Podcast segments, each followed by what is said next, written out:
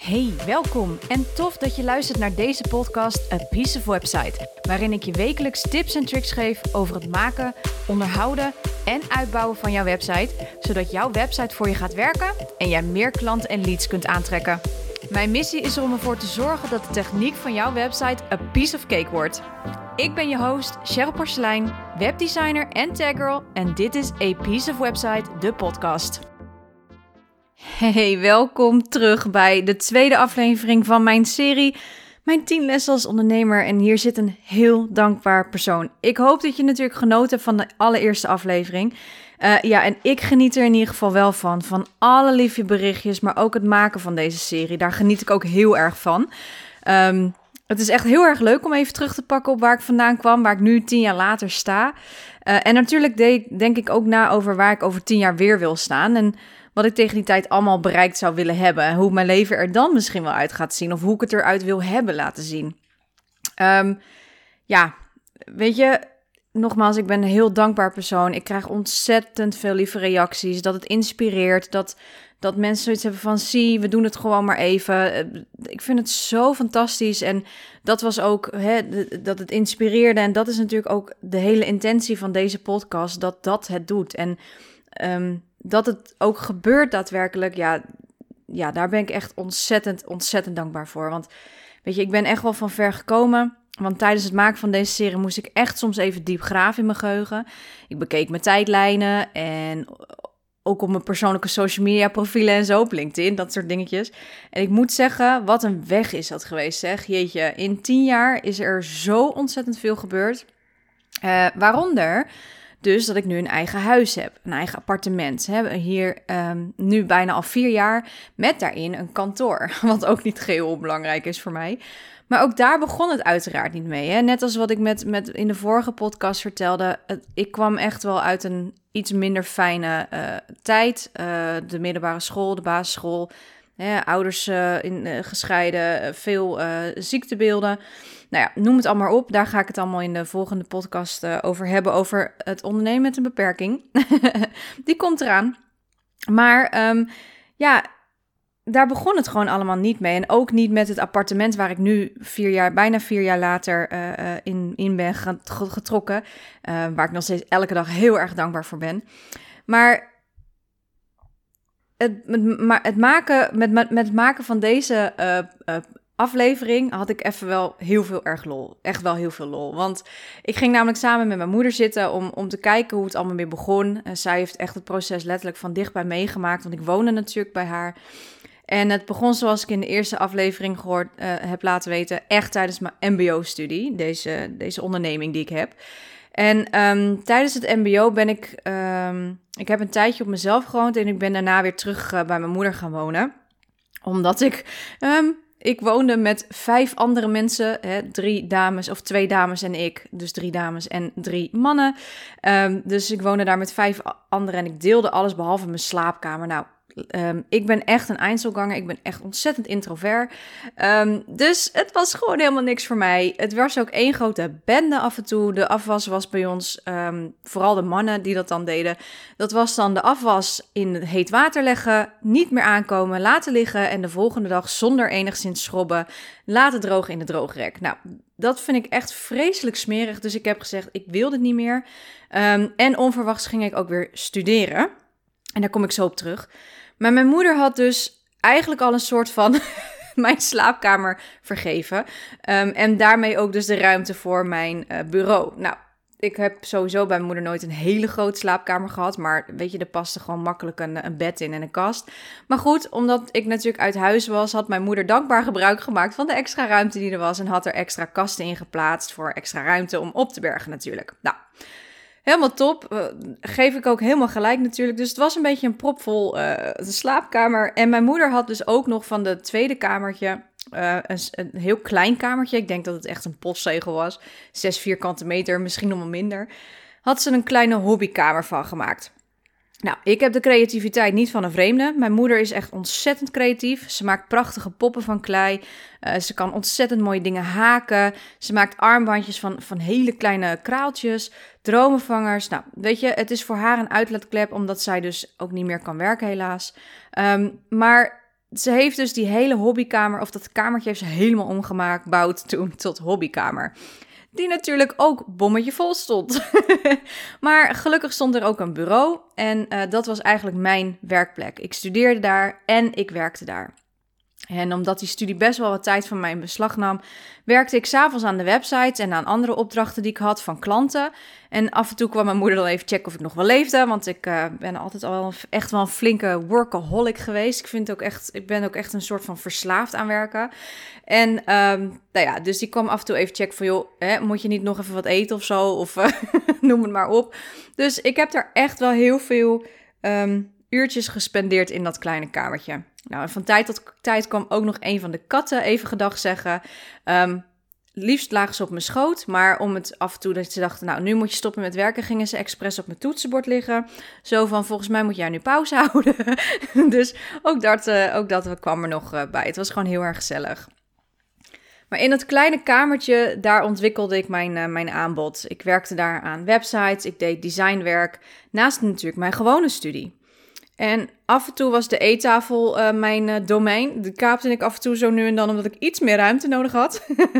en in 2012 ben ik uiteindelijk geslaagd voor dus die mbo-opleiding. En was ik officieel afgestuurd als interactief vormgever.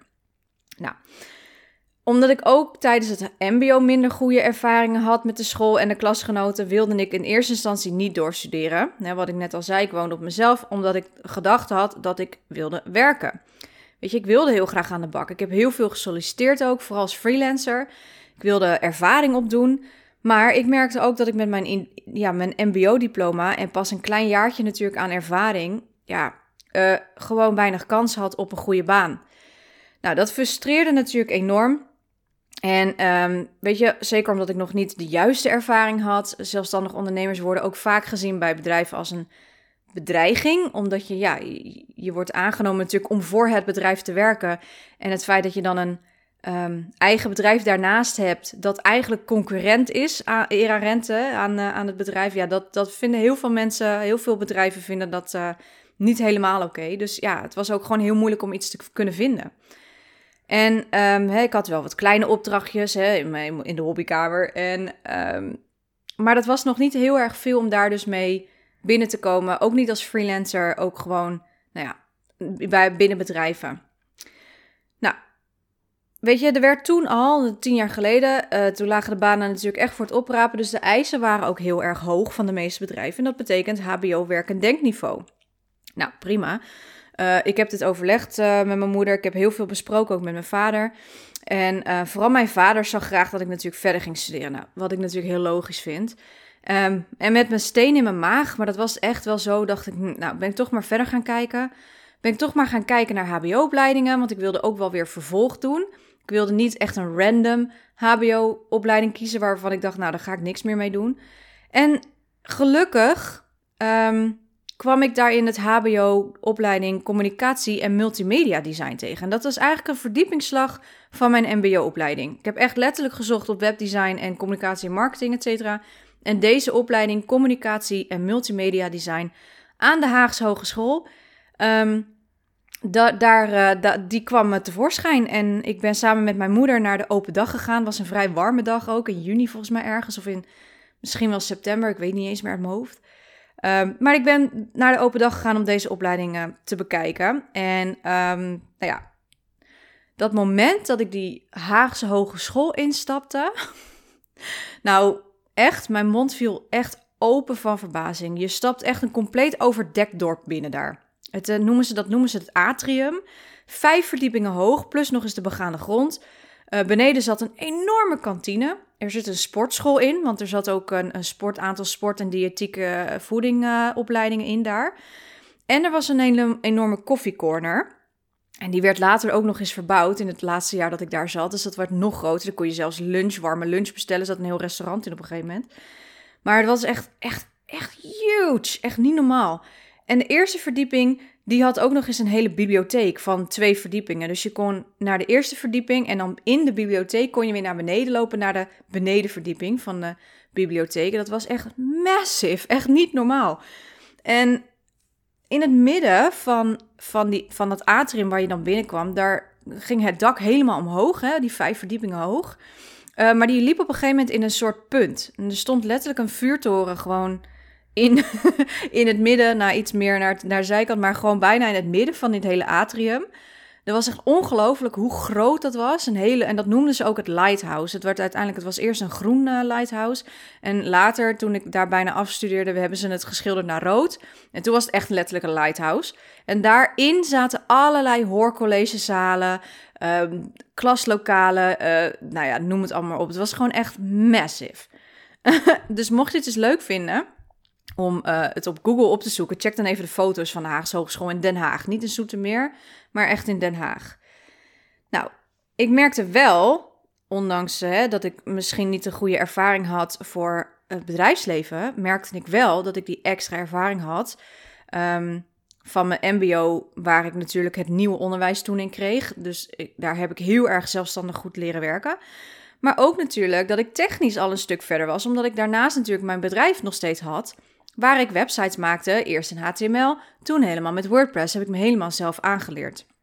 Nou, dat werkte echt wel heel erg in mijn voordeel. Hè? Alles wat ik geleerd heb ondertussen op dat kleine hobbykamertje van mijn moeder, dat kwam heel erg uh, in mijn voordeel. Zo werd ik namelijk tweede in het eerste jaar van het uh, propeduizenjaar van het HBO onder de portfolio-websites van alle eerstejaarsstudenten. En dat is wel een grappig verhaal. Ik werd geen eerste, want uh, de prijs die je kon winnen was een stage bij een van de grotere bedrijven. Dat was volgens mij TamTam Tam toen, kan ik me nog vaak herinneren. Uh, dat is echt wel een van de grotere, grotere spelers in uh, de marketing- en communicatieland. Um, maar toen kreeg ik al van, ja, ze vonden mijn website te ver gevorderd. Ze waren bang dat ze mij niet meer konden kneden. Plus dat ik natuurlijk een eigen bedrijf had, want dat zagen ze ook. Ik had natuurlijk eigen projecten in mijn portfolio staan en geen schoolprojecten. Oeps. Um, en dat zien toch veel bedrijven dus toch als, als, uh, als bedreiging. En ik begrijp dat ook wel, weet je. Dat is, het is ook prima. Dus ik had een hele mooie tweede plek. nou, daarnaast bracht die extra ervaring hè, ook nog eens um, ja, die droomstage van mij op in Londen. Echt, ik heb echt een hele, hele mooie stage gelopen in Londen. Ik heb uh, daar een uitgebreide aflevering over gemaakt, al eerder in deze podcast. Dus mocht je daar meer over willen weten, check dan even aflevering 28 van deze podcast.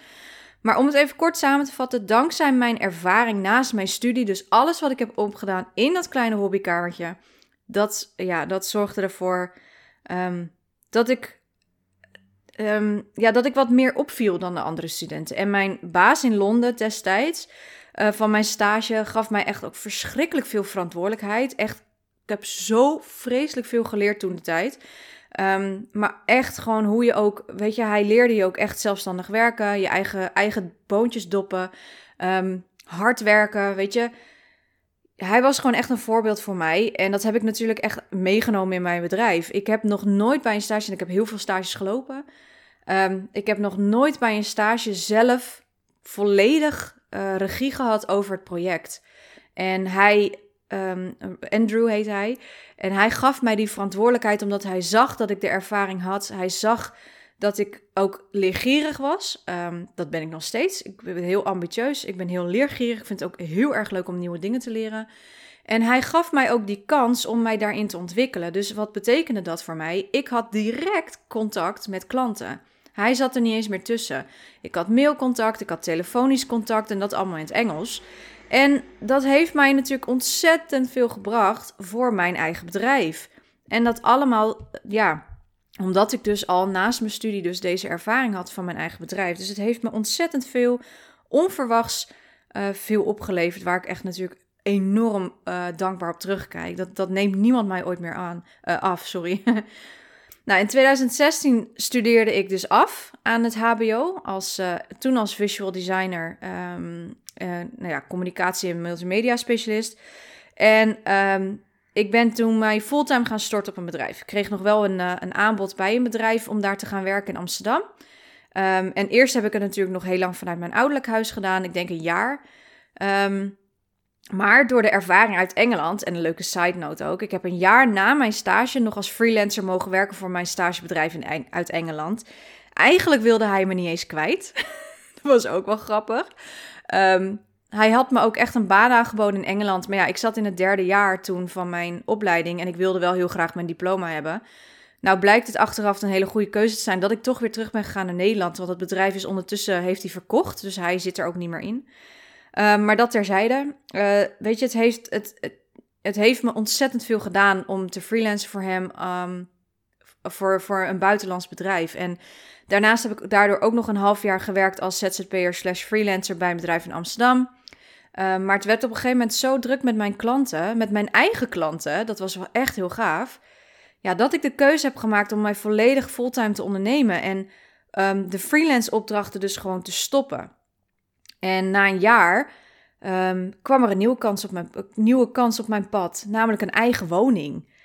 Ja, het was zover. Het was zover dat ik na een jaar opbouwen fulltime al financieel onafhankelijk kon zijn en ik dus een appartement kon huren in de buurt. Um, side note is dat hier, het is wel een, eh, een, sociale huur. Dus ik, krijg, uh, ik kreeg toen wel huurtoeslag. Nou, dat heeft me de, zeker wel natuurlijk geholpen. Maar ik heb dus wel gewoon zelf mijn eigen boontjes weten te doppen. Doordat ik dus nu een eigen appartement had kunnen, hè, kunnen huren. En in juni 2017, dus, dus bijna vier jaar geleden, ik ga nu alweer het vierde jaar in van het huis waar ik nu in zit, trok ik er dus in. Twee slaapkamers. Nou, ik had echt vette mazzel. En aangezien ik uh, heel erg uh, vrijgezellig ben, dus heel single, maakte ik uh, van de tweede slaapkamer uiteraard mijn eigen kantoor. En vandaag de dag komt daar nog steeds mijn beste werk vandaan. Van kleine hobbykamer van nog geen 6 vierkante meter naar een eigen appartement met een 12 vierkante meter extra slaapkamer. Wat nu mijn prachtige kantoor is. Met mijn eigen mini-bibliotheek noem ik het altijd, want boekverslaafd is een understatement. maar ik heb er wel echt heel erg hard voor gewerkt. En tuurlijk, in de laatste afleveringen deel ik ook echt mijn ondernemerslessen. Hoe ben ik begonnen? Wat heb ik allemaal gedaan? En dan ga ik je ook precies vertellen hoe ik aan mijn klanten toen de tijd ben gekomen, onder andere. Um, dat heeft ook nog echt wel heel veel stappen gekost. Dus uh, ik heb er heel hard voor gewerkt en dat doe ik nog. Um, ik moet er wel bij zeggen, de eerste paar maanden dat ik op mezelf woonde, waren echt dood en doodeng, joh. Weet je, het was. Eh, iedereen, ik neem aan dat jij, het, dat jij dit ook herkent. Dat je van die stemmetjes in je hoofd krijgt. Dat je denkt van, oh mijn god, ga ik wel genoeg omzet draaien om de huur te kunnen betalen? Of in, de, in sommige gevallen hypotheek. Blijf ik wel een dak boven mijn hoofd houden? Wat, wat als er niet genoeg klanten binnenkomen? Eh, wat als ik zelf niet goed genoeg ben? Al die twijfels. Die eerste maanden waren echt, echt heel erg eng. Maar met hard werken en vooral ook keuzes maken, daar ga ik het ook uiteraard uitgebreid nog over hebben. Um, investeren, laat ik wel zijn. Ik heb heel veel geïnvesteerd ook in mijn bedrijf. Coaching trajecten, uh, materialen, dingen die ik nodig heb, maar ook in tijd. Dus niet alleen in geld, maar ook in tijd. Um, binnen mijn netwerk blijven vragen, dat kostte me de tijd. Dat heeft me ook echt in de eerste instantie de meeste klanten opgeleverd. Constant in mijn netwerk blijven vragen. En daardoor heb ik ondertussen echt een mooi klantenbestand opgebouwd. Ik werk soms met sommige klanten nog steeds. Die zijn echt vanaf het begin al bij me. Sommige vanaf 2011, sommige vanaf 2013, sommige vanaf 2016. Dus ik heb met heel veel klanten al meerjarige relatie, om het zo maar even te noemen. En, um, ja, en met resultaat. Weet je, ik draai op dit moment een ontzettend goed jaar. En er zit nog zoveel meer aan te komen. Dus ja, ik kan niet wachten tot, uh, tot ik weer, uh, weer een stap verder ben. En wat, het dan, wat dat dan is. Maar, ik, maar een hoop heb ik dus opgebouwd in dat kleine hobbykamertje van mijn moeder. Daar liggen namelijk echt de roots van mijn bedrijf. En ik ben daar zo dankbaar voor. En het is vooral ook heel erg leuk, moet ik zeggen, om erop terug te kijken. Want ik zie mijzelf echt nog zitten. Ik had echt, ik had prikborden opgeplakt aan mijn muur. En dan echt, ja, opgeplakt met dubbelzijdig tape. Want ik mocht geen gaten maken in de muur. dus, dus dubbelzijdig tape doet wonderen. En met een bureau vol met papieren aan de ene kant, boeken, plastic organizers om in ieder geval mijn facturen allemaal te kunnen scheiden. Nou, noem het allemaal op. Mijn laptop er middenin en om me heen, dus al die hobbyspullen van mijn moeder. Nou, echt wat een tijd. En daar begon het allemaal mee. En ik moet zeggen, met het maken van deze serie kom ik wel echt weer hele leuke herinneringen tegen. En het is ook echt leuk om te zien waar ik vandaan ben gekomen. En ik moet zeggen, waar ik wel achter ben gekomen, is dat een MBO of een HBO je absoluut niet klaarmaakt voor het ondernemen. En tuurlijk, ik heb één keer een vak gehad over ondernemen op het MBO. Maar dat is ook weer precies zo binnen de lijntjes van school. En dat het dan dus zo goed gaat ehm, dat ik dit zelf allemaal heb bereikt. Tuurlijk met ook hulp van coaches. Hè. De afgelopen tien jaar heb ik echt wel een aantal, een aantal coaches versleten, zeg maar. En, maar dat het, dat het dan zo goed gaat nu en, en dat het mij al zoveel heeft gebracht. Hè. Want het is niet alleen een heel goed jaar wat ik draai. Het zijn ook al die geweldige klanten die ik al heb geholpen, mag helpen en nog steeds help. Het is al die ervaring die ik extra heb opgedaan, zodat ik mijn droomstage in Londen kon doen. Het is al die extra ervaring waardoor ik heel gemakkelijk door mijn MBO en mijn HBO ben heen gekomen. Waardoor ik heel goed een netwerk heb kunnen opbouwen. Waardoor ik heel hard aan het werk ben. En um, dat heeft allemaal te danken aan wat ik allemaal op heb gebouwd in dat kleine kamertje bij mijn moeder. Um, en het is ook heel leuk om dat terug te zien. Om te zien van het gaat mij niet eens om de omzet. Ik vind omzet heel belangrijk en ik vind geld ontzettend leuk, want je kan er heel veel impact mee maken ook. Hè. Het is niet, voor mij is het niet van hoe meer hoe beter. Het is voor mij hoe meer impact ik ermee kan maken, hoe beter. Ik investeer ook heel graag in mijn bedrijf, omdat ik ook daarmee anderen weer kan helpen. Um, daarom ben ik ondernemer geworden. Ik ben niet ondernemer geworden alleen maar vanwege het geld. Geld is makkelijk als je het hebt, maar het maakt echt niet gelukkig. Wat mij gelukkig maakt, is de waardering die ik krijg van mijn klanten als ik ze weer een stuk verder heb geholpen, waardoor ze kunnen groeien, waardoor zij ook weer hun klanten kunnen helpen. En dat ik dat allemaal bereikt heb in de afgelopen tien jaar, met het beginnen in dat kleine hobbykamertje, ja, dan denk ik, jeetje, petje af voor mezelf, denk ik wel eens soms. Ook al klinkt dat misschien heel erg arrogant. Ik merk ook echt dat ik dan in de lach schiet bij mezelf, dat ik het heel moeilijk vind om te zeggen over mezelf. Maar het is wel zo, weet je. Ik moet, als ik dan heel eerlijk ben, het is wel zo. Ik heb er echt heel hard voor gewerkt. En ik ben ook echt, nou ja, ik zeg het nooit, maar toch ben ik stiekem wel heel erg trots op mezelf. En ik ben vooral heel dankbaar dat ik zo ver heb mogen komen. En dat ik al zoveel mensen heb, uh, geweldige mensen, geweldige klanten, heb mogen ontmoeten, heb mogen helpen. Ja, daarmee wil ik deze tweede aflevering gewoon afsluiten. ik ga deze tweede aflevering ook afsluiten. Volgende aflevering gaat over het ondernemen met een beperking. Uh, daar heb je waarschijnlijk wel het een en ander over terug horen komen in de eerste en tweede aflevering. Um, en ik wil jou in ieder geval heel erg bedanken voor het luisteren. En je heel erg bedanken voor je lieve berichtjes. Tot de volgende aflevering. Doeg!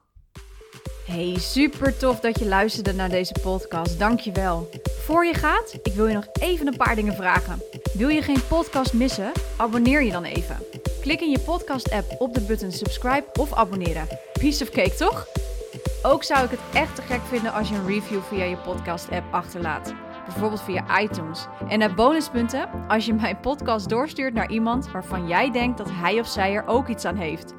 En als laatste, ik vind het altijd heel erg leuk om berichtjes te ontvangen van luisteraars. Om te horen wat ze van de podcast vinden. Of misschien heb je vragen of suggesties. Misschien heb je wel een inzicht gekregen van een aflevering. Of ben je zelfs in actie gekomen. Stuur mij dan even een DM via mijn Instagram, Porselein.